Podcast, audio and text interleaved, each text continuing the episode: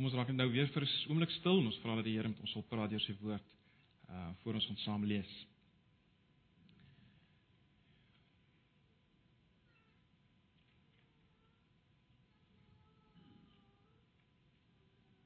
Here baie dankie vir die wonderlike beloftes wat ons ook nou kon sing. En nou wil ons vra dat U ook vir ons sal leer deur U woord. Deur die werking van die Gees, help ons om te verstaan wat U vanoggend vir ons wil sê. Waar dit miskien 'n bietjie van 'n vreemde gedeelte is. Kom praat met ons, kom vernuwe ons denke. Here, sodat ons lewens kan leef wat wat U groot maak, U oplig, U verheerlik kom na U toe in swakheid en gebrokenheid en sonde. Maar ons kom na U toe op grond van wat U in ons plek gedoen het. Verheerlik U self. Praat met ons in Jesus se naam. Amen. Ons by Markus hoofstuk 10. Julle sal onthou ons het gekom tot by vers 27 voordat ons nou verlede Sondag het ons nou die sang en getuienisoggend gehad. En ehm um, vertrou ons almal is uh, wonderlik versterk daardeur. Ek persoonlik is, is regtig versterk daardeur en veral oor die ehm um, die realiteit van dit alles, nê, nee, of wat ek so sê, ja, weet nie of ek dit reg uitdruk nie. Ehm um, die feit dat dit nie 'n verhaal was van uh, alles dit uh, soos die Engelse verhaaltjies uh, happily ever after uh, einde gehad het nie. En ehm um, dit het my regtig getref ehm um, ja die werklikheid van van dit waarmee ons besig is en en die werklikheid van die Here in dit alles. Maar goed, vanoggend dan uh, Markus 10, ons gaan lees vanaf vers 28 ehm um, tot aan die einde van die hoofstuk. Dit is 'n bietjie langerige gedeelte. Ehm um, maar ek hoop julle sal insien hoekom ek dit so doen. Markus 10 vanaf vers 28. Petrus sê toe vir hom: "Kyk, ons het alles verlaat en ons volg U." Jesus antwoord dit verseker ek julle, daar is niemand wat ter wille van my en ter wille van die evangelie afgesien het van sy huis of broers of susters of moeder of vader of kinders of eiendom nie, of hy kry nou in hierdie tyd 100 keer soveel huise en broers en susters en moeders en kinders en eiendom. Sommige vertalings het besittings daar, saam met baie vervolging en in die bedeling wat kom die ewige lewe. Maar baie wat eerste is sal laaste wees en wat laaste is eerste. Op pad Jerusalem toe het Jesus voor hulle uitgeloop. Dit het die disippels verontrus en die mense wat agterna gekom het laat bang word. Toe het hy weer die 12 op sy geneem en hulle begin vertel wat met hom gaan gebeur. Kyk, ons gaan nou Jerusalem toe. Daar sal die seun van die mens aan die priesterhoofde en die skrifgeleerdes oorgelewer word en hulle sal hom tot die dood veroordeel en hom aan die heidene uitlewer. Die sal met hom spot en op hom spoeg en hom slaan en hom doodmaak en 3 dae later sal hy uit die dood opstaan. Jakobus en Johannes, die seuns van Zebedeus, kom toe na Jesus toe en sê vir hom: "Here, ons wil graag hê u moet vir ons doen wat ons u gaan vra." "Wat wil julle hê moet ek vir julle doen?" het hulle gevra. Hulle het hom geantwoord: "Wanneer u as koning heers, laat ons dan langs u sit, die een aan die regterhand en die ander een aan die linkerhand." Julle weet nie wat julle vra nie, sê Jesus vir hulle. "Kan julle die lydensbeker drink wat ek drink of met die doop gedoop word waarmee ek gedoop word?" Ons kan, sê hulle vir hom. Daarop sê Jesus vir hulle: "Die beker wat ek drink, sal julle drink, ja, en met die doop waarmee ek gedoop word, sal julle gedoop word, maar om aan my regter of linkerhand te sit, daaroor besluit ek nie. Dit is vir die vir wie God dit gereed gemaak het." Toe die 10 ander dit hoor, was hulle verontwaardig oor Jakobus en Johannes. Jesus roep hulle toe nader en sê vir hulle: "Julle weet dat dit by die nasies so is dat hulle sogenaamde regerders oor hulle baas speel en dat hulle groot manne die mag oor hulle misbruik. Maar by julle moet dit nie so wees nie. Elkeen wat in julle kring groot wil word, moet julle dienaar wees. En elkeen onder julle wat die eerste wil wees, moet julle almal se dienaar wees. Die seun van die mens het ook nie gekom om gedien te word nie, maar om te dien en sy lewe te gee as losprys vir baie mense. Daarna kom hulle in Jerigo aan. Toe Jesus en sy disippels en 'n aansienlike menigte weer daarvandaan verder gaan, sit daar 'n blinde bedelaar, Bartimeus, seun van Timeus langs die pad. Toe hy hoor dat dit Jesus van Nasaret is, het hy begin uit: "Jesus, seun van Dawid, ontferm U tog oor my." Baie mense het met hom geraas en gesê hy moet stil bly. Maar hy het al hoe harder uitgeroep: "Seun van Dawid, ontferm U tog oor my." Jesus het gaan staan en gesê: "Roep hom nader." Hulle roep toe die blinde man en sê vir hom: "Hou moed, staan op, hy roep jou." Hy het sy boekleed gelos Net daar gelos en opgespring en na Jesus toe gegaan. Jesus vra vir hom: "Wat wil jy hê moet ek vir jou doen?" Rabuni sê die blinde man vir hom: "Dat ek kan sien." Jesus sê daarop vir hom: "Jy kan maar gaan, jou geloof het jou gered." Dadelik kon hy sien en hy het op die pad agter Jesus aangegaan. Dit is net so ver. Ek vra tog maar dat julle julle Bybels byderhand sal hou. Dit is belangrik om maar te volg. Ehm um, vir alles mens redelik induktief met die teks omgaan. Ehm um, so hou julle Bybels maar oop byderhand.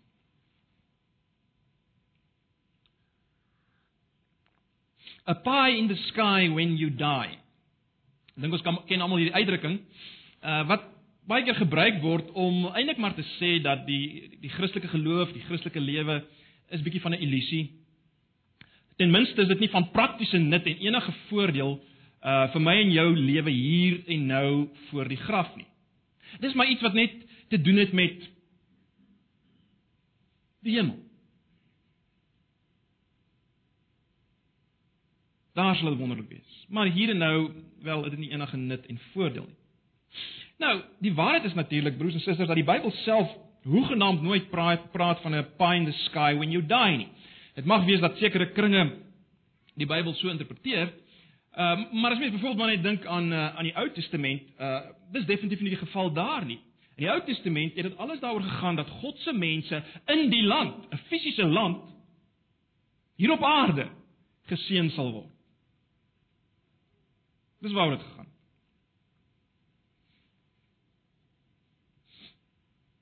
Terloops, aan nie baie min in die Ou Testament oor oor die lewe na die dood.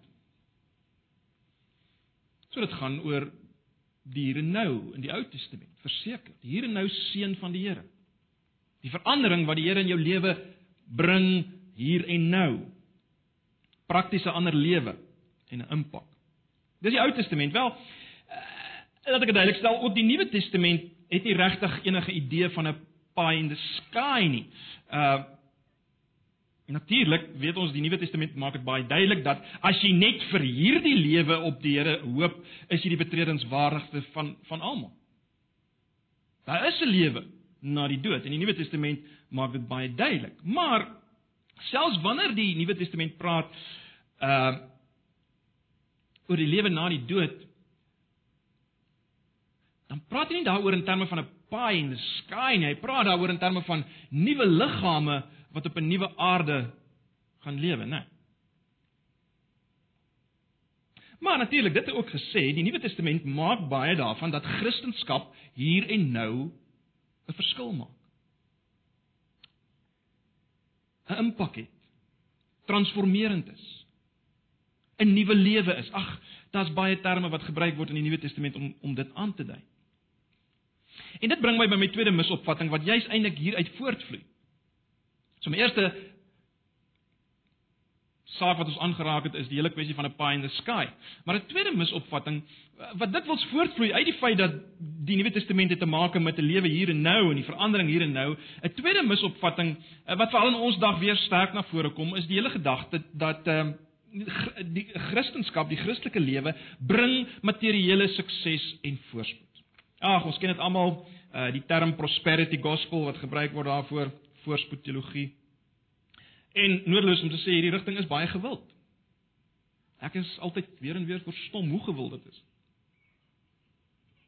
Nou, beide hierdie misopvattinge of misvattinge van a pie in the sky when you die en voorspoedsteologie, prosperity gospel, beide van daai twee misvattinge word in hierdie gedeelte eintlik aangespreek. En en hierdie gedeelte wys weer wat kan ons verwag van ware Christendom? En en dis waarna ek wil hê ons moet kyk.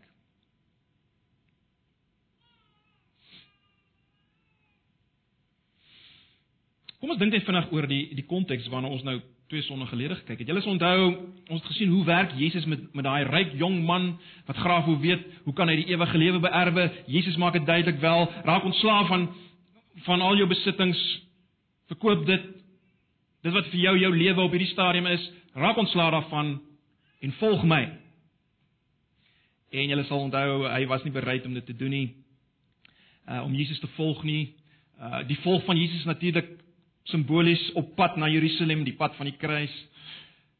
Hy's nie bereid om dit te doen nie en dan sluit Jesus sy gesprek daar af en hy sê vir mense is dit eintlik onmoontlik om hom so te volg. Maar by God is dit moontlik. So dis waarna ons gekyk het twee Sondae gelede. Nou, dis na hierdie uitspraak van Jesus. Na hierdie gedeelte van die ryk jong man. Na dit alles kom Petrus en uh, julle sal weet Petrus het altyd iets te sê gehad, né? Nee, hy was die ou wat altyd baie gepraat het. Uh en Petrus maak weer 'n uitspraak. En dan lei dit tot 'n wonderlike belofte van Jesus. Petrus se uitspraak lei tot 'n wonderlike belofte van Jesus. Kom ons lees net weer daarvan af vers 28. Petrus sê toe vir hom: "Kyk, ons het alles verlaat en ons volg U." Jesus antwoord: "Dit verseker ek julle, daar is niemand wat ter wille van my en ter wille van die evangelie afgesien het van sy huis of broers of susters of moeder of vader of kinders of eiendom. Of hy kry nou in hierdie tyd 100 keer soveel huise en broers en susters en moeders en kinders en eiendom saam met baie vervolging en in die bedeling wat kom die ewige lewe. Maar baie wat eerste is sal laaste wees en wat laaste is eerste. Kom ons dink eers hoe moet ons hierdie uh antwoord van Petrus interpreteer as hy sê kyk ons het alles verlaat en ons volg u moet ons daaroor dink in die lig van wat ons nou al gesien het En en wat ons later sien in hierdie in hierdie selfe hoofstuk. Wel. Dis tog interessant dat Jesus uh sê weer in vers 31 baie wat eerste sal laaste wees en wat laaste is eerste. Dis baie interessant dat hy daarna verwys en dan dat hy weer vir hulle kom leer dat hulle as hulle die grootste wil wees, die dienaar moet wees. Daar in vers 42 tot 44 het julle dit gesien. En ek dink dit gee vir ons 'n aanleiding hoe ons hierdie hierdie antwoord van Petrus moet interpreteer as hy sê maar kyk Ons het alles gevolg. Of ons het alles verlaat en ons volg U. Waar die ryk jong man nie bereid was om dit te doen nie, ons ons het dit gedoen. Is nie ek dink in die lig van die feit dat Jesus verwys na eerstes wat laastes is en laastes wat eerste is, beide in vers 31 en weer in vers 22 tot 44 42 tot 44. Dit gee vir ons 'n aanduiding dat dat die hele probleem van egosentrisme selfgesentreerdheid waarna ons gekyk het in hoofstuk 9. Onthou julle, ons het redelik lank al by stil gestaan. As ek reg is, uh reg onthou het ek omtrent 3 boodskappe daaroor gegee. Daai selfde probleem is nog steeds daar. Dit slaan nog steeds deur by die disippels. Dit slaan deur by die wat alles gelos het en Jesus gevolg het. En broers en susters, ek dink dis waar die angel in hierdie gedeelte lê. Die onverwagte. Die angel ook vir ons. Jy kan alles gelos het en Jesus volg en nog steeds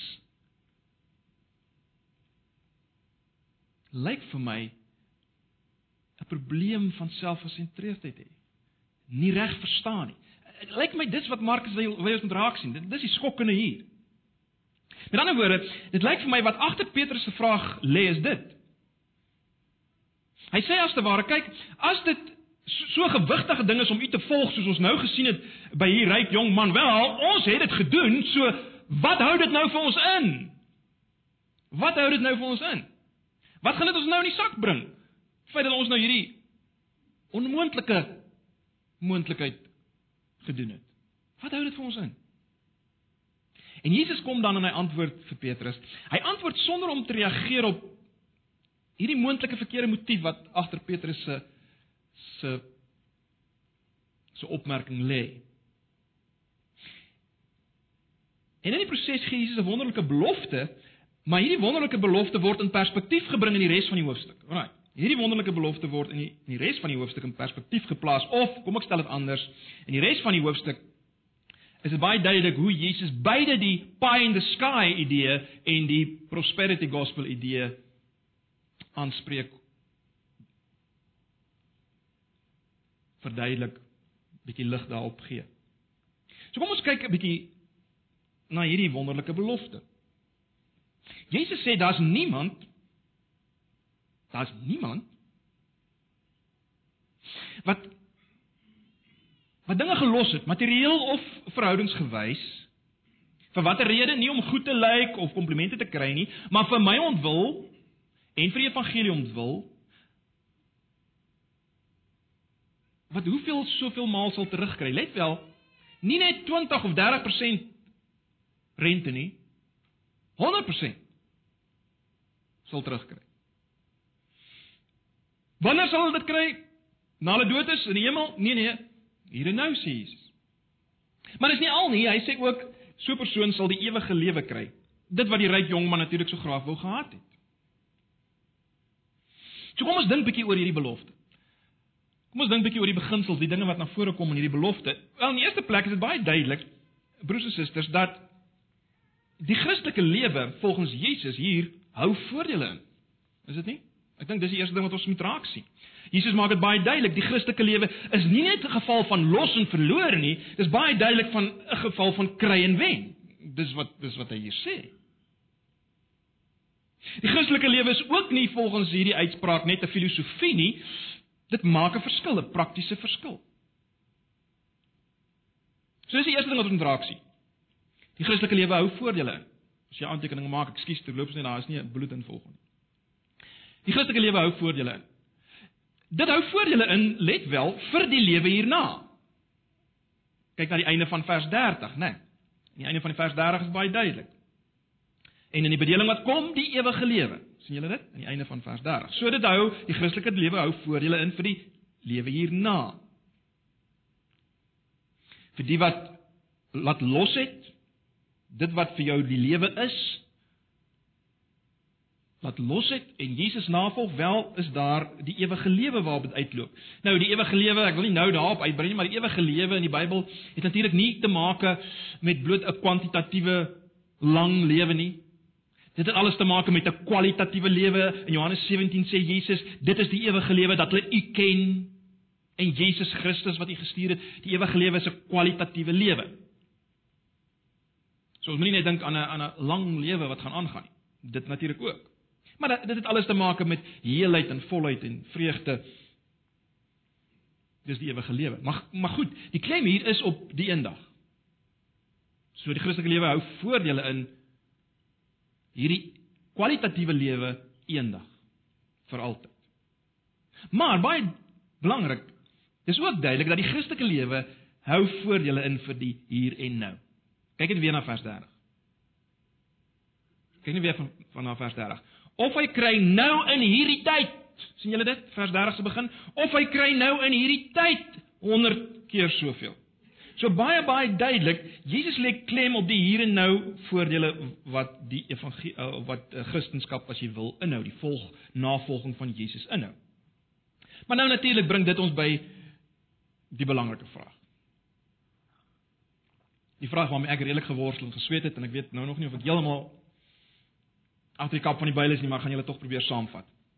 Wat bedoel Jesus met 100 keer soveel huise en broers en susters en moeders en eiendom saam met baie vervolging en in die bedeling wat kom die ewige lewe?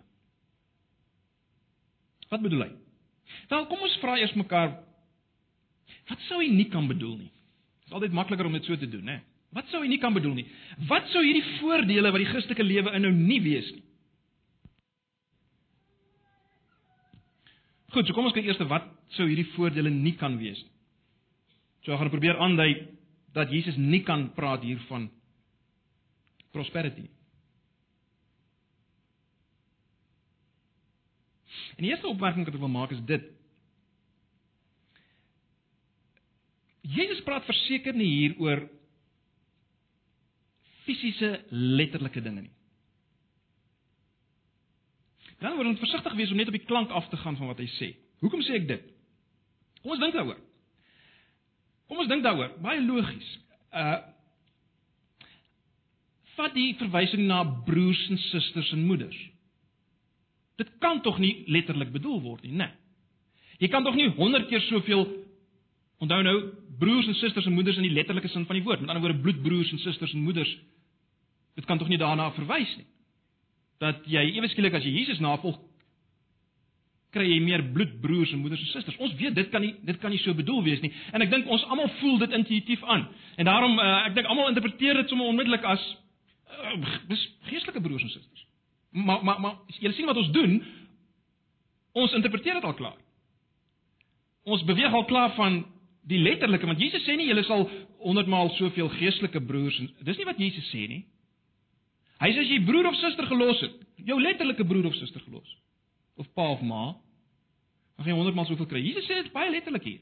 Maar wat doen ons? Ons doen dit van nature, voel ons aan, maar dit kan nie dit wees nie, so ons maak dit geestelik. En al wat ek probeer sê is ons moet dit raak sien, nê. Nee, dit dit is wat ons al klaar doen. En daarom ek dink is baie duidelik dat ons sommer kan aanvoel ons kan dit nie letterlik hierdie gedeelte so vat nie.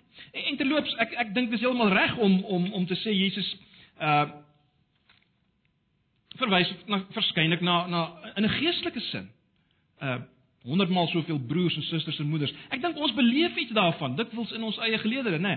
Ehm um, wat baie keer gebeur, daar kom 'n skeiding tussen 'n ouer en kind of kind of ouer, broers en susters as gevolg van Christendom, die navolging van Jesus en wat Christene baie keer beleef is dat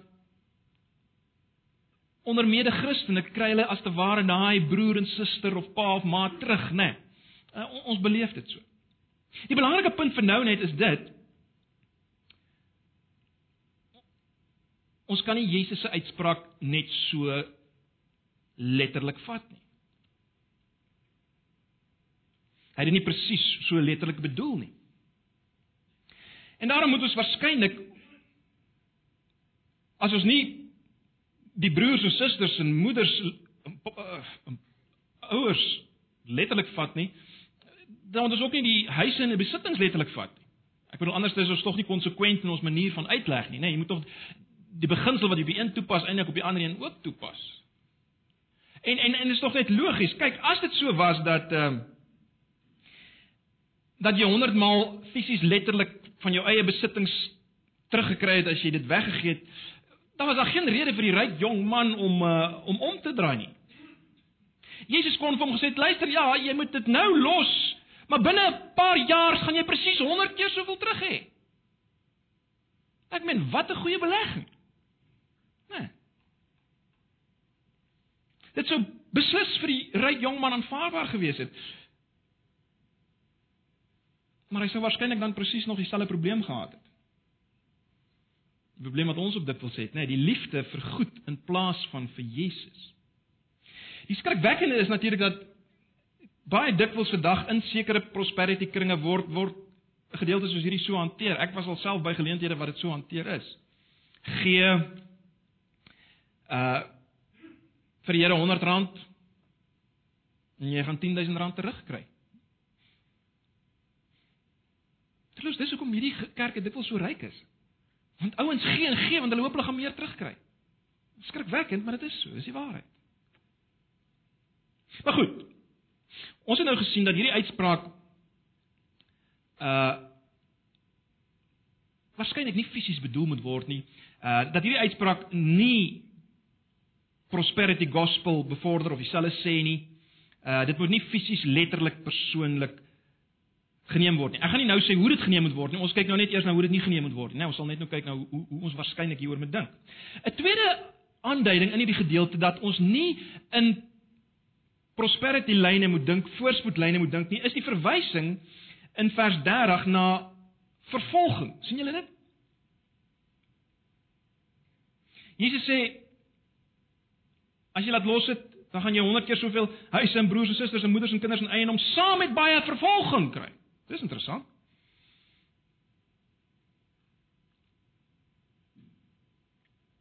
Ons het dis duidelik hier nie te doen met 'n gemaklike voorspoedsteologie nie, né?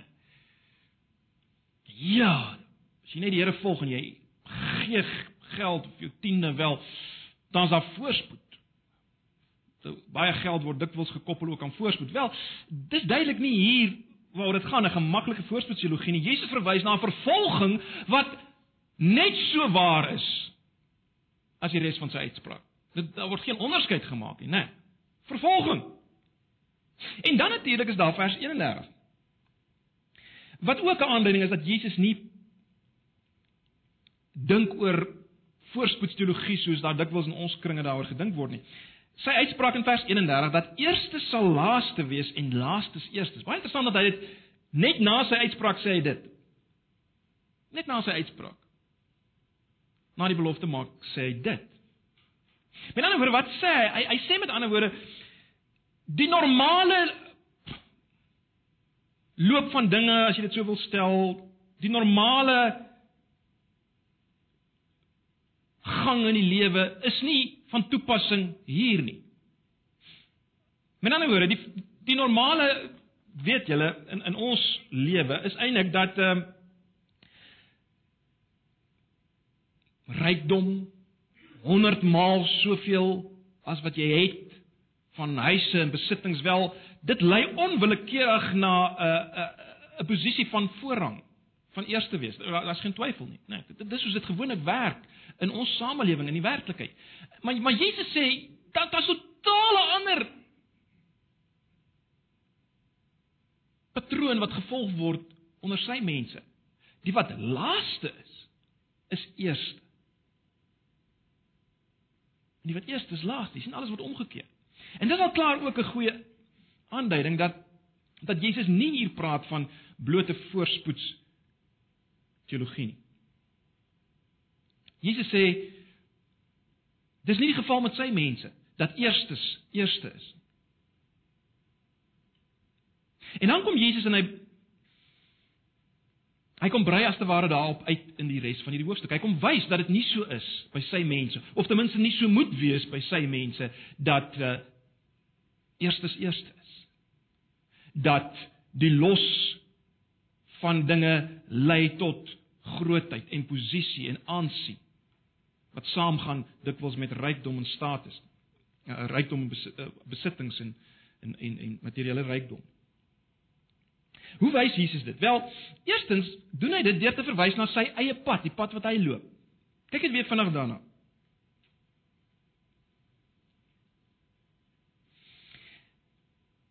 Eerstens praat hy in vers 33 vanaf vers 33 en hy sê kyk ons gaan na Jerusalem toe. Daar sal die seun van die mens aan die priesterhoofde en die skrifgeleerdes oorgelewer word en hulle sal hom tot die dood veroordeel en hom aan die heidene oorlewer. Die sal met hom spot en op hom spoeg en hom slaan en hom doodmaak en 3 dae later sal hy uit die dood opstaan. En dan kyk jy net na vers 45 maak hy natuurlik amper 'n samevatting die stelling in vers 45 sê hy die seun van die mens het ook nie gekom om gedien te word nie, maar om te dien en sy lewe te gee as 'n losprys vir baie mense. So Jesus kom wys eerstens na sy eie lewe en wys in sy eie lewe is dit nie so dat daar voorspoedsteologie was in die terme waarna ons dink. Sy lewe was 'n lewe waarin hy verwerp is, gespot is, Hy het gekom om te dien, nie om gedien te word nie, nie om groot te wees nie, maar om homself klein te maak ter wille van ons te gee, te dien tot aan die kruis. Ons sal net nou weer verwys na vers 45. Maar maar dit is baie belangrik om dit raak te sien. Dis die pad wat hy geloop het. Dis die pad wat hy geloop het. So dis die eerste manier hoe Jesus wys dat by sy mense moet dit nie so wees nie. Moet daar nie hierdie geneigtheid tot voorstaan en welvaart wat saamgaan dikwels met rykdom wees. Op 'n tweede manier wat Jesus dit wys is deur sy betekenisvolle vraag in vers 36. As hy hulle vra, "Wat wil julle hê moet ek vir julle doen?" Nou, ons moet 'n bietjie dink hieroor. Let bietjie op. Jesus vra hierdie vraag nadat die disippels vir hom gevra het of hy vir hulle iets sal doen. Maar wanneer vra hulle daai vraag? Het julle gesien die, die skokkende daarvan? Want ons weer wys, waar is hierdie disippels nog? Wanneer vra hulle hierdie vraag uh, of Jesus iets vir hulle sal doen? Het julle dit gesien? Hulle vra dit presies nadat Jesus hulle vertel het van sy kruispad, die feit dat hy gespot en geslaan en oorgelewer gaan word aan die heidene. Net daarna kom die disippels en hulle vra, "Kan ons net vir u vra of ek uh, laat u vir ons iets doen?"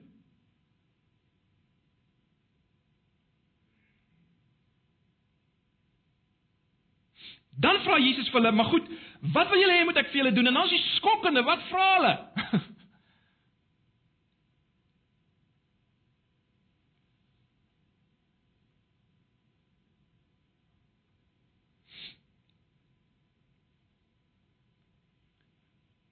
Een van hulle wil aan sy linkerhand sit en een wil aan die regterhand sit. As hy op sy troon sit. Dis wat hulle vra. Met ander woorde, sien julle wat doen die disippels? Hulle spring dwars oor alles wat Jesus nou gesê het van sy lydingspad en kruisiging. Hulle spring dwars oor dit na sy koningskap. Uh dit lyk amper asof hulle doelbewus dit wat hy nou sopas gesê het ignoreer op sy stoot. Hulle wil dit nie eintlik hoor nie. Ja, dit is vir hulle ongemaklik. Hulle stoot dit op sy, hulle spring verby dit na Jesus se koningskap en sê, "Wel, kan ons nie sit aan die linker en die regterkant?" En dan aan Jesus vir hulle uh Hy sê vir hulle, "Julle weet nie wat julle vra nie." Nou, vers 38 tot 40 is nie so maklik nie. 'n Mens wonder nou wat wat probeer Jesus nou sê? Eers sê hy maar julle kan nie die lydingspad loop wat ek loop en die beker drink wat ek drink en dan sê hy weer julle sal. Wat wat gaan nie aan? Wel, is nogal moeilik. Uh dit lyk vir my uh Jesus wil in die eerste plek sê kyk, julle wil deel hê aan my koningskap. Maar my koningskap is 'n uitvloeisel van my my lydingspad. En en dit wat ek nou beskryf het, en julle kan nie daai pad loop op 'n manier wat ek dit loop nie. Julle kan nie dieselfde lyding deurgaan nie. So die logiese is net, julle kan ook nie die posisie kry wat ek kry nie. Dit lyk vir my dis wat Jesus wil sê. As Petrus dan kom en sê, "Maar wel, ons kan daai pad loop." Uh, ek dink by wyse van spreuke sê Jesus dan amper met 'n sug. OK Petrus. Jy sien, Hy kon nie vir vir Petrus verduidelik, kyk Petrus, jy verstaan duidelik nie. Jy kan nie plaasvervangend sterf in die pad loop soos ek het geloop het nie. Hy hy, hy gaan nie nou hy brei nie nou daarop uit nie. Dis asof hy amper net sê, "Oké, okay, oké okay, Petrus. Julle julle sal die julle sal die pad loop wat ek geloop het. Ek meen dit is so hulle sou lyding tegemoet gaan. So in daai sin sou hulle dieselfde pad loop. Goed Petrus, julle julle sal die lyding deurgaan, maar julle Julle kan nie aan my linker en my regterkant sit nie. Dit, dit God besluit daaroor. Lyk vir my mense moet dit in daai trant hanteer. Maar dis nie die belangrike punt hier nie, nê. Nee, die belangrike punt is dit. Jesus se hele vraag. Wat wil julle hê moet ek vir julle doen? Ontbloot wat? Dit ontbloot nog dit ontbloot die feit dat die disippels nog steeds dink in terme van groot wees. Alraai? Dis belangrik. Die disippels dink nog steeds in terme van groot wees, in terme van trone. Dis skokkend, maar dis hoe hulle nog daaroor dink, oor hulle volgelingskap. Dis eintlik waaroor dit nog gaan. En daarom kom Jesus nou, vat hulle een kant toe, sien julle in vers 42 tot 45 en dan maak hy dit baie eksplisiet. Uh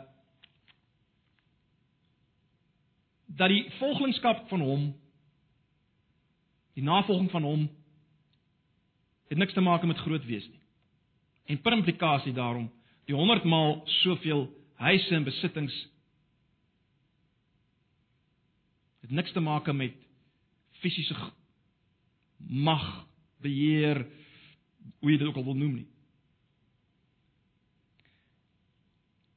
Ek dink die logika is baie duidelik van wat hy wil sê as mens kyk na vers 45 ook. As hy as die seun van die mens, moenie dit mis nie. Moenie uit moenie die verwysing na die seun van die mens uh, mis nie. Julle weet nou al uh, die die term seun van die mens kom uit Daniël 7 uit. Die die figuur die seun van die mens in Daniël 7 uh eh, is 'n magtige figuur aan wie alles behoort. Al die koninkryke, alles behoort aan hom. Jesus is die seun van die mens, die een met alle mag. En as hy die een met alle mag afstand gedoen het daarvan, 'n dienaar geword het, hoeveel te meer die disippels wat hom nou volg. Jy sien dis die dis die logika agter. Hoe op aarde kan jy so dink as die seun van die mens nie gekom het om te gedien te word nie, maar om te dien. Hoe wil julle dink julle is hier om gedien te word, om voorrang te hê?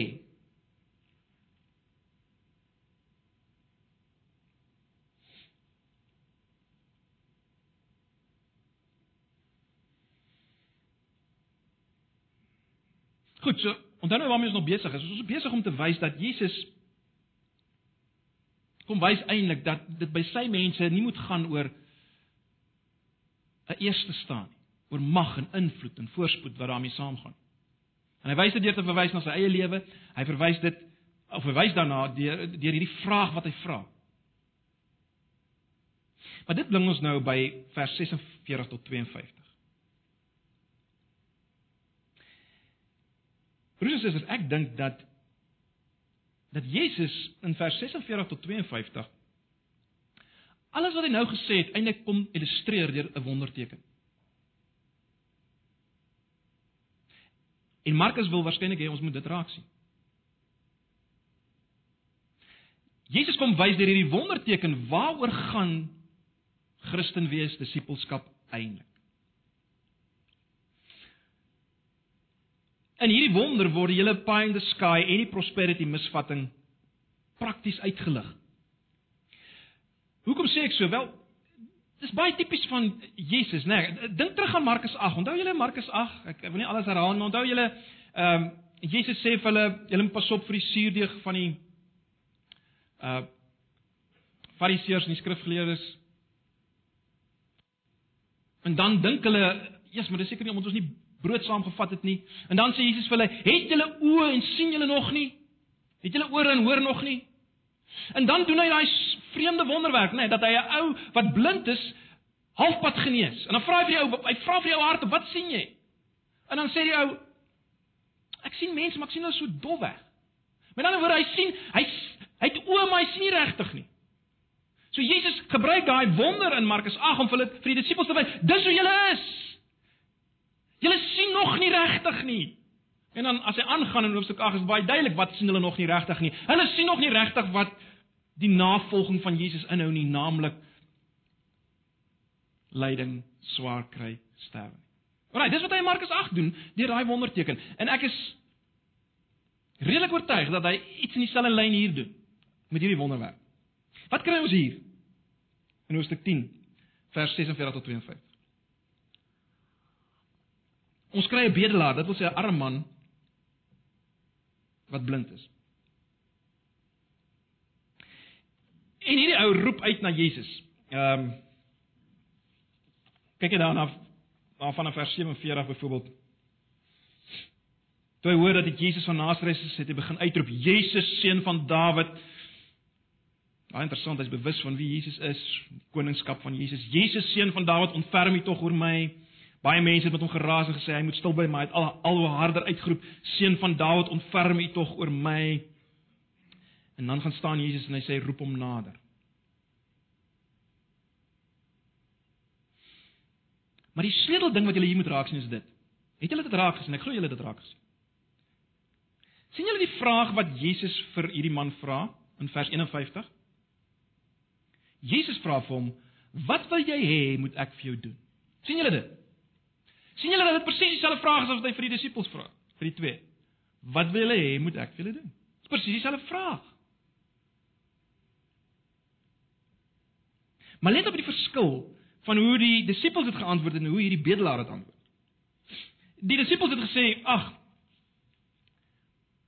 wil nie dat een van ons aan die regterhand sit en een aan die linkerhand?" Hulle dink in terme van trone. Wat wil die bedelaar hê? Hy wil net kan sien. Hierdie bedelaar blinde bedelaar wil net kan sien.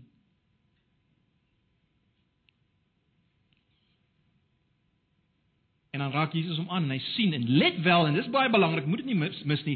Dan volg hy Jesus op die pad. En Markus sê dis spesifiek so, hy volg Jesus op die pad. Watter pad? Dis die pad na Jerusalem, die pad na die kruis. Hy volg Jesus op die pad. Net dink weer aan die konteks. Dink nou weer terug aan die hele konteks. Mens kan dit maklik vergeet. Waaroor het dit gegaan by die ryk jong man? Die ryk jong man was nie bereid om Jesus te volg, afstand te doen van alles en Jesus te volg nie. En dan kom Jesus en hy sê vir sy disippels: "As jy afstand gedoen het en my volg, dan sal jy 100 maal broers en susters, ouers, besittings, huise kry." Wat sien ons hier?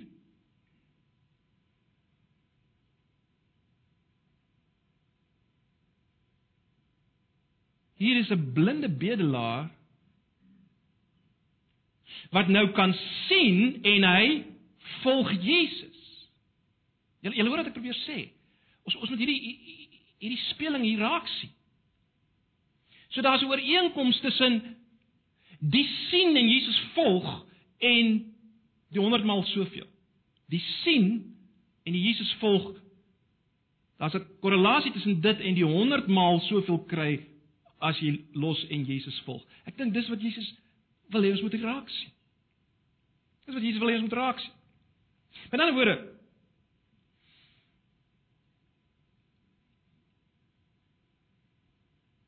Waaroor dit gaan in die 100 maal meer is 'n is is 'n nuwe kyk na dinge, 'n nuwe perspektief. Dis waaroor dit gaan. Wat 100 maal meer is as wat dit wat jy gehad het.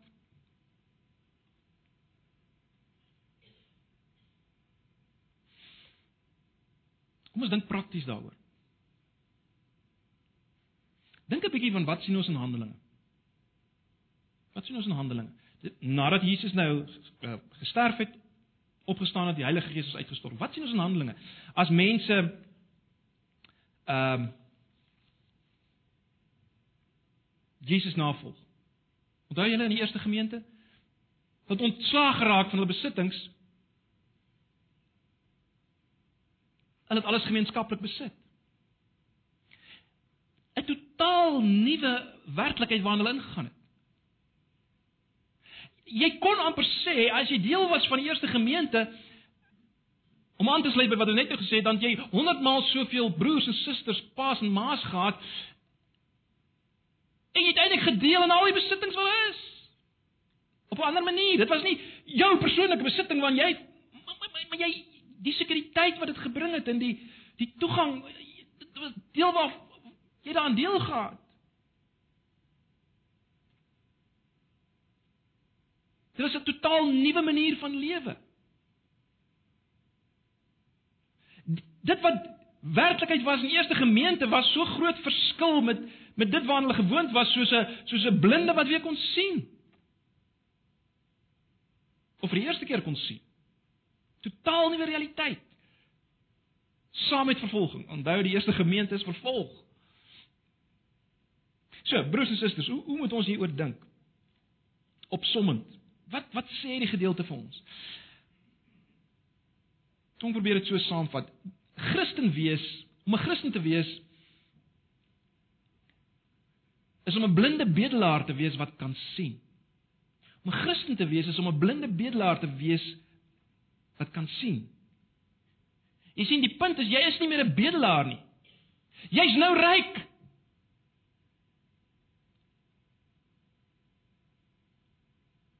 Maar jy's ryk soos 'n bedelaar wat blind was en kan sien ryk is.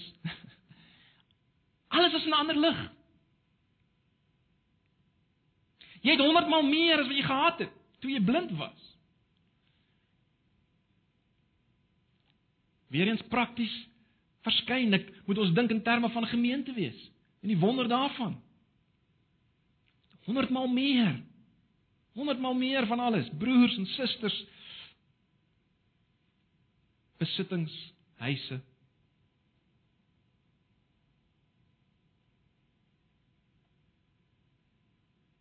Dis Christendom. Dis wat dit inhou. Maar hierdie pad wat ons nou loop as as mense wat kan sien wat in 'n nuwe verhouding tot alles staan, is steeds 'n pad van diensbaarheid, vervolging, is steeds 'n kruispad.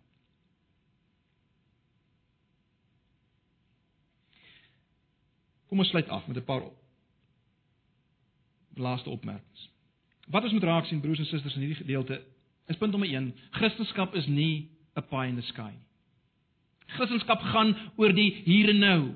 Die hier en nou radikale nuwe lewe, so radikaal soos 'n blinde wat weer kan sien. Dit gaan oor hier en nou. 'n Nuwe soort rykdom hier en nou.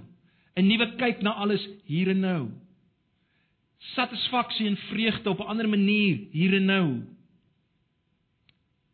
Dis wat Christendom is. Dit het betekenis vir die hier en nou. So dis die eerste ding wat ons moet raak sien. 'n Tweede ding, Christendom bring nie voorspoed soos die wêreld daaraan dink nie, maar dit bring 'n voorspoed. 'n Ander soort rykdom, 'n ander sekuriteit, 'n ander vreugde. Wat jy kan hê te midde van jou swaar kry en te midde van jou siek wees. Want jy's deel van 'n nuwe realiteit, so seker soos 'n ou wat blind was en nou kan sien deel is van 'n totaal nuwe realiteit.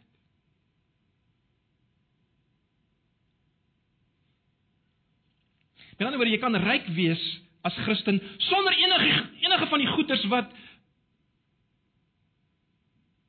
wat die wêreld rondom ons as rykdom beskou en wat vir die wêreld rondom ons sekuriteit en vastigheid gee.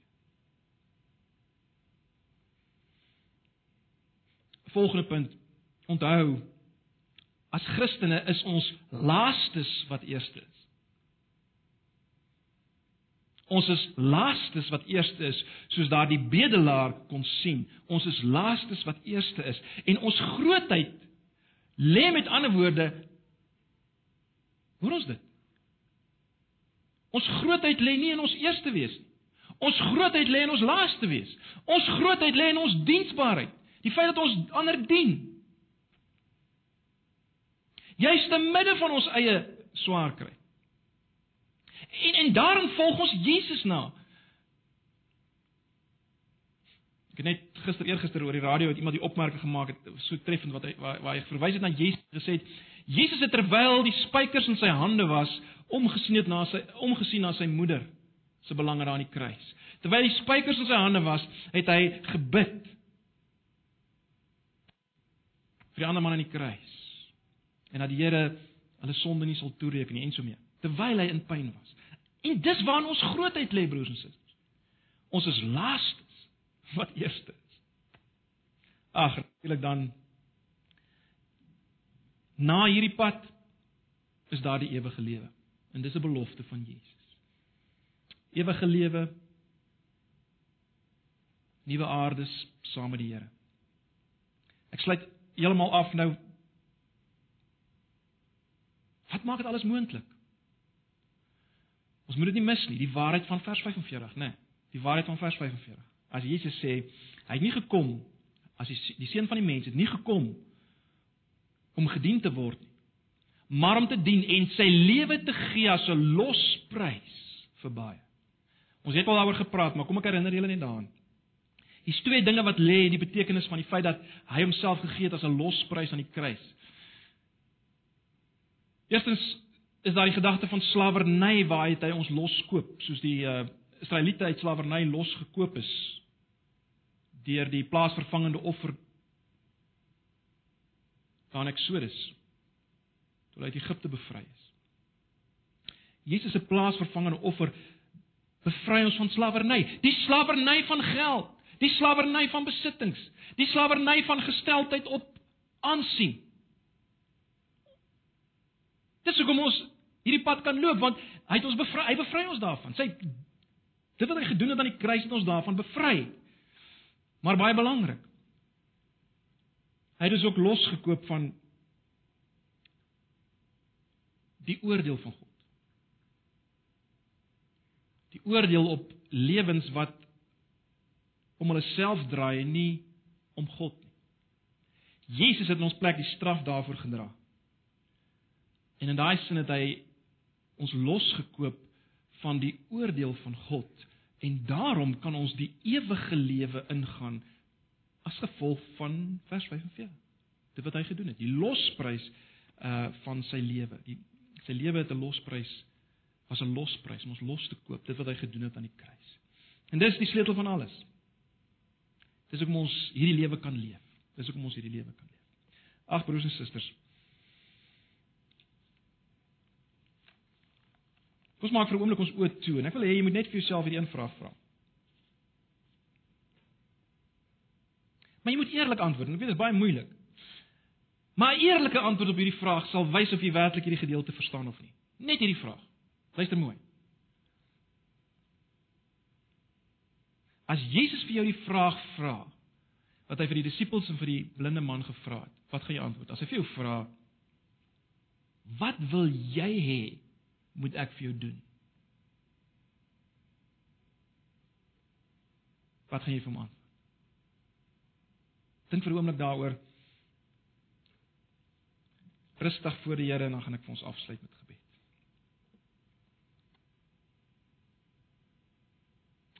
Ag Here Jesus, dankie vir u woord. Dankie vir dit wat u vanoggend ook maar net weer vir ons wil leer.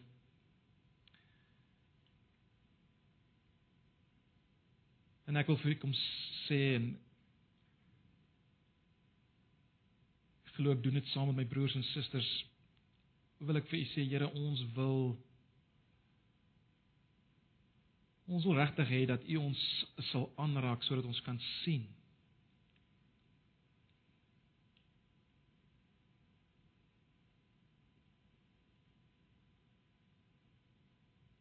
Nie kan kyk na alles, na die lewe, na die werklikheid, na wie U is, na wie wat ons het in U.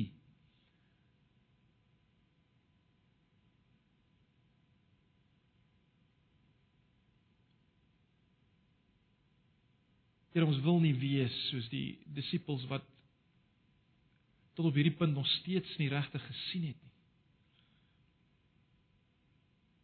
Wat nog steeds egosentristies was, selfgerig was.